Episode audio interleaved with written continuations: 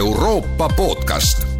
saade valmib koostöös Euroopa raadiote võrgustikuga Euronet pluss, mõista Euroopat paremini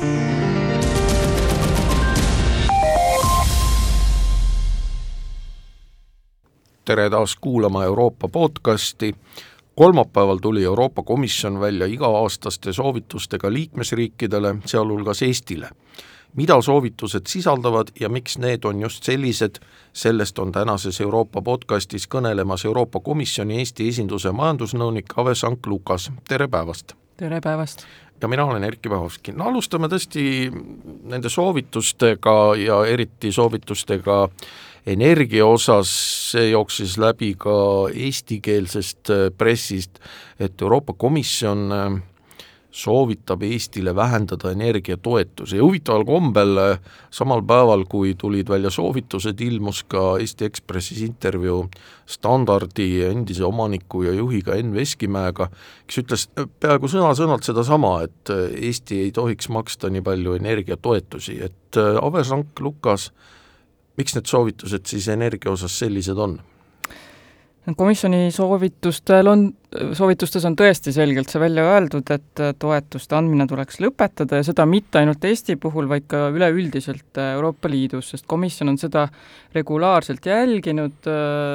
riiklikke toetusskeeme ja seni, kuni kriis kestis või erinevad kriisid siis üksteise järel,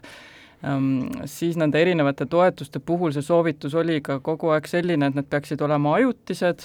ja võimalusel äh, olema suunatud nendele, kellel on eriti raske või kõige rohkem vaja neid toetusi, aga nüüd energiahindad, energiahinnad on langenud äh, ja toetamine seetõttu eriti selliselt laiapõhjaliselt ei ole enam äh, põhjendatud ja teiseks oluliseks põhjuseks, miks komisjon sellise soovituse tegelikult kõigile riikidele tegi, ähm, on see, et tuleks suurendada energiaefektiivsust, ehk siis püüda energiat säästa. aga seda ei ole motivatsiooni teha, kui, kui kõrge energiahinna leevenduseks makstakse toetust et, et säästmine, motiva-, see säästmise motivatsioon tekib ikkagi siis, kui, kui on vaja tõesti hakata otsima neid kokkuhoiukohti kokku on neid soovitusi neli ja teine soovitus oli Euroopa Komisjoni poolt äh, see, et Eesti kasutaks taasterahastut ja ühtekuuluvusfondi paremini, seda raha nagu efektiivsemalt, et siin tekib muidugi selline küsimus, et kas me siis seda ei ole seni teinud, et need rahasummad on muidugi väga suured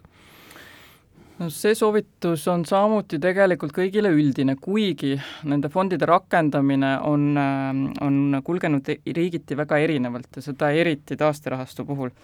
no Eesti puhul võib-olla võib tekitada segadust see või tunduda, et justkui Eesti ei oleks midagi teinud, et Eesti lihtsalt ei ole sealt fondist veel saanud ühtegi makset, aga see ei tähenda, et seda taastekava juba ei rakendataks Eestis lihtsalt äh, selle taasterahastu reeglid on sellised, et, ähm, et see jaotusvõti, mille alusel riikidele need toetusümbrikud jagati, oli kokku lepitud selliselt, et seda korrigeeriti ähm, kahe tuhande kahekümne esimese aasta majandusnäitajate põhjal mis olid Eestis väga head, Eesti majandus kasvas äh, väga palju sel aastal. Ja seetõttu Eesti ähm, kaotas üle kümne protsendi oma riiklikust ümbrikust. lisaks tuli siia juurde siis väga kõrge inflatsioon äh, Eestis, sõjast tulenevad veel tarneraskused. Ja, ja vajadus lisada sinna kavasse äh, meetmed, mis kiirendaksid fossiilsetest kütustelt üleminekut taastuvenergiale ja seetõttu siis Eesti otsustas enne esimese maksetaotluse esitamist oma kava muuta, seda ta ka tegi ja komisjon selle muudetud kava ka heaks kiitis kaheteistkümnendal mail. praegu vaatab seda läbi ministrite nõukogu ja juuni keskel loodetavasti saab, saab see heakskiidu ka sealt ja siis saab Eesti kohe oma esimese maksetaotluse teele panna. aga nagu ma ütlesin, et, et kava rakendamine tegelikult käib vastavalt siis seni kehtinud kavale ja rääkides nüüd äh, ühtekuuluvusfondist, äh, fondidest ehk struktuurifondidest, siis äh, seal ähm, praegu kehtiva eelarveperioodi ehk siis kaks tuhat kakskümmend üks kuni kaks tuhat kakskümmend seitse perioodi rakenduskava sai heakskiidu eelmise aasta oktoobris, seda on hakatud ka juba rakendama ja umbes kahekümne protsendi ähm, raames ka juba seal kohustusi on võetud. Aga Eesti on üldiselt väga just eesrindlik äh, fondide ärakasutaja, et kui eelmist perioodi vaadata, siis seal on kohustustega kaetud juba üle äh, saja protsendi, äh, eelmise perioodi meetmeid on võimalik välja maksta või neid rakendada siis kuni selle aasta lõpuni ja Eesti peaks olema seal kuuendal kohal kõigi Euroopa Liidu liikmesriikide seas, nii et et see kulgeb küllaltki heas tempos. ja no üks suur valdkond, millest Euroopa Komisjon ka räägib, on siis sotsiaalkaitse ja seal nagu öeldakse, et Eesti peaks töötama selle nimel, et see sotsiaalkindlustus või sotsiaalkaitse oleks parem ja ja noh, põhimõtteliselt ise ma tunnen küll, et sellega saab ainult nõustuda, aga aga mis on selle soovituse sisu ja tagamaa? jah, kõigepealt võib-olla tulekski äh, tähelepanu juhtida sellele, et nende riigipõhiste soovituste osas et kui kõigil oli üldine fiskaalpoliitika soovitus, energiapoliitika soovitus ja siis nende fondide kasutamise soovitus, siis üks neljas soovitus lähtus iga riigi, ütleme siis kõige suuremast valukohast. Ja Eestile on see sotsiaalvaldkonnas. ja tegelikult sellel teemal on Eestile soovitusi antud igal aastal komisjoni poolt, mis näitab, et see on äh, komisjoni vaates tõesti valdkond, mis väärib tähelepanu. ja need märksõnad, noh, mis seal välja on toodud, et ähm, tegelikult komisjon toob välja, et sotsiaalkaitse on paranenud Eestis, aga siiski veel vaesuse ja sotsiaalse tõrjutuse risk on väga suur. seda eriti äh, vanemaealiste hulgas ja ka mõnede teiste ühiskonnagruppide hulgas. Ja vanemaealiste osas just see on üks kõrgemaid Euroopa Liidus ehm, nende sotsiaalsete hüvitiste, et kui me nüüd ei räägi pensionitest, vaid igasugu töötukindlustusmaksed näiteks ja nende mõju on paranenud, kuid nad on siiski endiselt omavad vähest mõju siis inimeste sotsiaalsele turvalisusele, ütleme nii, või ei, ei lahenda neid probleeme, mis, ähm, mis inimestel on. Äh, ja noh, tegelikult ei ole teatud lepingutega, kui räägime siin näiteks lühikestest töölepingutest või ka ebastandardsetest töövormidest töötajate puhul, et nende ligipääs nendele töötukindlustusmaksetele ei ole tegelikult paranenud. Ähm, aga vanemaealiste juurde tulles, et seal tõesti see põhimõjur on madal pension ja seal komisjon ka on kriitiline Eesti pensionireformi suhtes, mis pikaajalist pensionisüsteemi jätkusuutlikkust komisjoni arvates ei taga pigem ebakindlus suureneb, sest demograafilised trendid on sellised, et töötajaid jääb vähemaks ja pensionäre tuleb juurde. no just tahtsin öelda, et rahvastik ju vananeb, see tähendab seda, et äh, pensioni osakaal ju suureneb ühiskonnas, töötajate arv äh, väheneb ühiskonnas ja ka muidugi see, et äh, tervishoiu noh, osakaal samuti suureneb, et järjest rohkem inimesi vajab ravi, sest vanemad inimesed vajavad ju ravi ja noh, see kõik ju viitab sellele, et sotsiaalküsimustega tuleks rohkem tegeleda. just, ja see toob meid tegelikult ka siis pikaajalise hoolduse ja tervishoiu temaatikani, mis äh, samuti on seal ähm, soovitustes ja, ja riigiraportis ära mainimist leidnud, et pikaajalise hoolduse puhul on vajadus koduhoolduse järele Eestis näiteks kõige kõrgem Euroopa Liidus aga ka väga ebaühtlane, et omavalitsuste suutlikkus kvaliteetset hooldust tagada on erinev ja puuduvad ka ühtsed standardid, samuti siis nii pikaajalise hoolduse kui tervishoiu rahastamise äh, süsteem ei ole jätkusuutlik, et sellele pööratakse tähelepanu ja tervishoius muidugi ähm, erinevate spetsialistide puudus äh,, aga jätkuvalt on ka Eestis äh, üks kõrgemaid siis ähm, inimeste enda poolt raporteeritud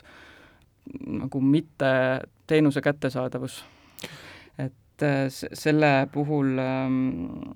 on see kaheksa protsenti Eestis ja kaks protsenti Euroopa Liidus keskmisena. ja viimane teema, mis ma siia sotsiaalvaldkonna alla tahtsin tuua, on, on ebavõrdsus, et kui tulla tagasi nüüd vanemaealiste vaesuse juurde, siis seda esineb kaks korda rohkem naiste kui meeste hulgas ja jätkuvalt on Eestis üle kahekümne protsendine palgalõhe,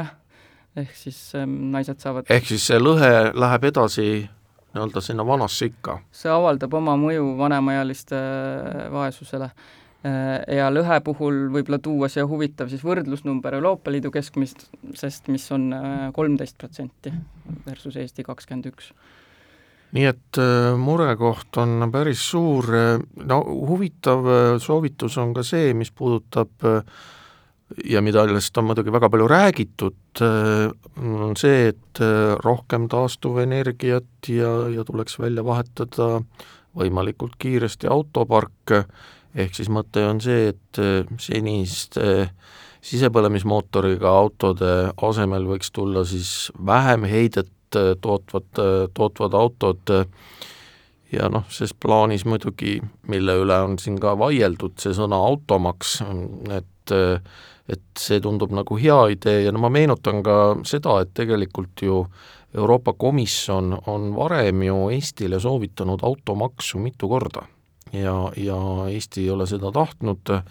aga nüüd tundub siis, et vähemalt selles plaanis, ehkki ma annan endale aru, et see automaksu idee ise on suhteliselt toores ja ja täis vastuolusi, aga kui me võtame siia juurde selle rohepöörde, siis see automaks noh, tundub päris hea mõte. Tõepoolest, komisjon on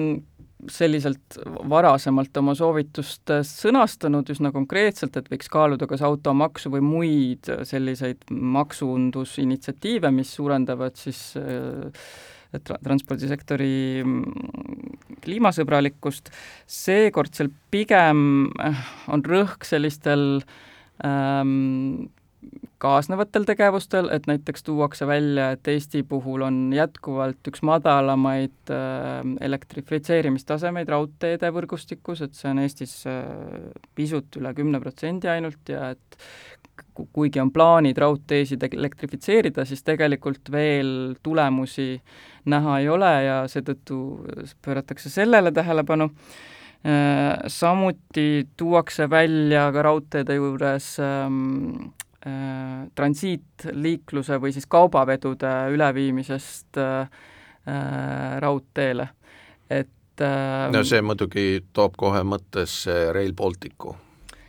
see tingimata võib ka tähendada Rail Balticut, aga meil ju tegelikult on ka praegu olemas raudteeühendus, mille kaudu kaupu saab vedada ja ka väikses mahus veetakse, aga oleks vaja, et et toimuks selline modaalne äh, Äh, ülekanne või teagi eestikeelset head sõna, aga et kaubad liiguksid suuremas mahus üle raudteele, et seda saaks ka võib-olla mingisuguste maksu äh,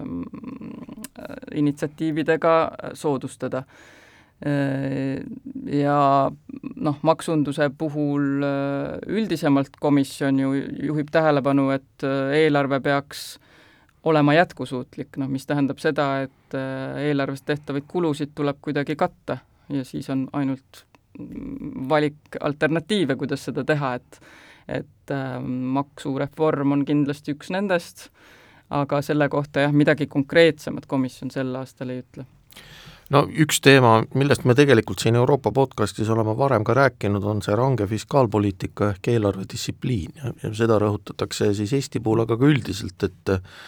Euroopa Komisjon siis näeb ikkagi vajadust äh, üle rääkida seda, et Euroopa riigid hoiaksid kinni siis võimalikult karmist rahapoliitikast. Jaa, komisjon on ju üsna hiljuti tulnud välja ettepanekuga uuteks eelarvereeglitest, reegliteks, mis ähm, noh, mille üks mõte oli, oli ju see ka, et lõpetada siis selle üldise vabastusklausli rakendamine ja anda suund, et kuidas, kuidas edaspidi toimetama hakata ja siis juba komisjon lubas, et nüüd nende soovitustega antaksegi konkreetsemaid ähm, suuniseid riikidele, et mida siis teha. ja Eesti puhul, et kuna Eestil eelarve defitsiit äh, jääb nüüd üle selle maagilise kolme protsendi piiri SKP-st, äh, siis see soovitus on selline jah, mõnevõrra rangem, äh, et soovitatakse siis suunata eelarvepoliitika rajale, mis keskpikas perspektiivis oleks äh, jätkusuutlik. ja on ka antud konkreetne number, et, äh, et äh, üle mille ei tohiks siis minna mm, riigi netokulude kasv. See on neli koma üheksa protsenti kahe tuhande kahekümne neljandal aastal. et eesmärk on jah, ikkagi see, et nüüd siis riigid hakkaksid veelgi täpsemini jälgima, suunaksid oma fiskaalpoliitika Mm, sellisele jätkusuutlikule rajale, aga noh, laiem eesmärk on, on Euroopa Liidu majanduskeskkonna stabiilsus, samas on seal rõhutatud, et ära ei tohiks unustada siiski neid investeeringuid ja reforme, mis võimaldavad siis pikaajaliselt riigil tasakaalus eelarvet säilitada, ehk siis sellised innovaatilisusse ja majanduse pikaajalisse konkurentsivõimesse ja inimeste haridusse suunatud investeeringud ja reformid no sa rääkisid riivamisi juba ka sellest, mida Euroopa Komisjon üldiselt Euroopa Liidule soovitab, et aga võta nüüd kokku, et mis nende soovituste nagu selline üldine suund on, et mida komisjon peab Euroopa Liidus hetkel esmatähtsaks? No tegelikult just nimelt see tugev ja konkurentsivõime, võimeline majandus äh, ongi ju kõige aluseks, et äh, me oleme sellises keerulises geopoliitilises mm, keskkonnas ja seal on eriti oluline, et, äh, et oleks noh, ikkagi suund pikaajalise konkurentsivõime ja, ja heaolu poole. ja noh, Euroopa Liidus tervikuna tegelikult majanduse väljavaated on päris optimistlikud, noh Eesti on natukene kehvemas olukorras. ehkki Saksamaa majandus just äh, tuleb äh, miinusmärgiga, just oli eile uudis äh, jah, aga need on ka loodetavasti sellised väga ajutised, ajutised nähtused, et, et selle prognoosiperioodi kokkuvõtlik suund on ikkagi pigem optimistlik ja lubab võib-olla isegi öelda, et, et Euroopa Liidu majandus on üle elanud mingid raskemad ajad ja on endiselt konkurentsivõimeline. no siin on just jah, keeruline sellistel väikestel avatud majandustel nagu Eesti, kes väga palju sõltub siis ka teiste riikide majanduse käekäigust, et kui Eesti puhul näiteks, miks Eesti majandus langeb ka sel aastal, Äh, on see, et mõned meie ekspordipartnerid, et nende majandus ei ole kasvanud loodetud äh, tempos, vaid on jah, Saksamaa näiteks pigem siis jäänud sellisesse natuke see start on, on aeglasem. aga aitäh nende kommentaaride eest, Ave Sank-Lukas, selline oli tänane Euroopa podcast, kõike head ja kuulmiseni! nägemist!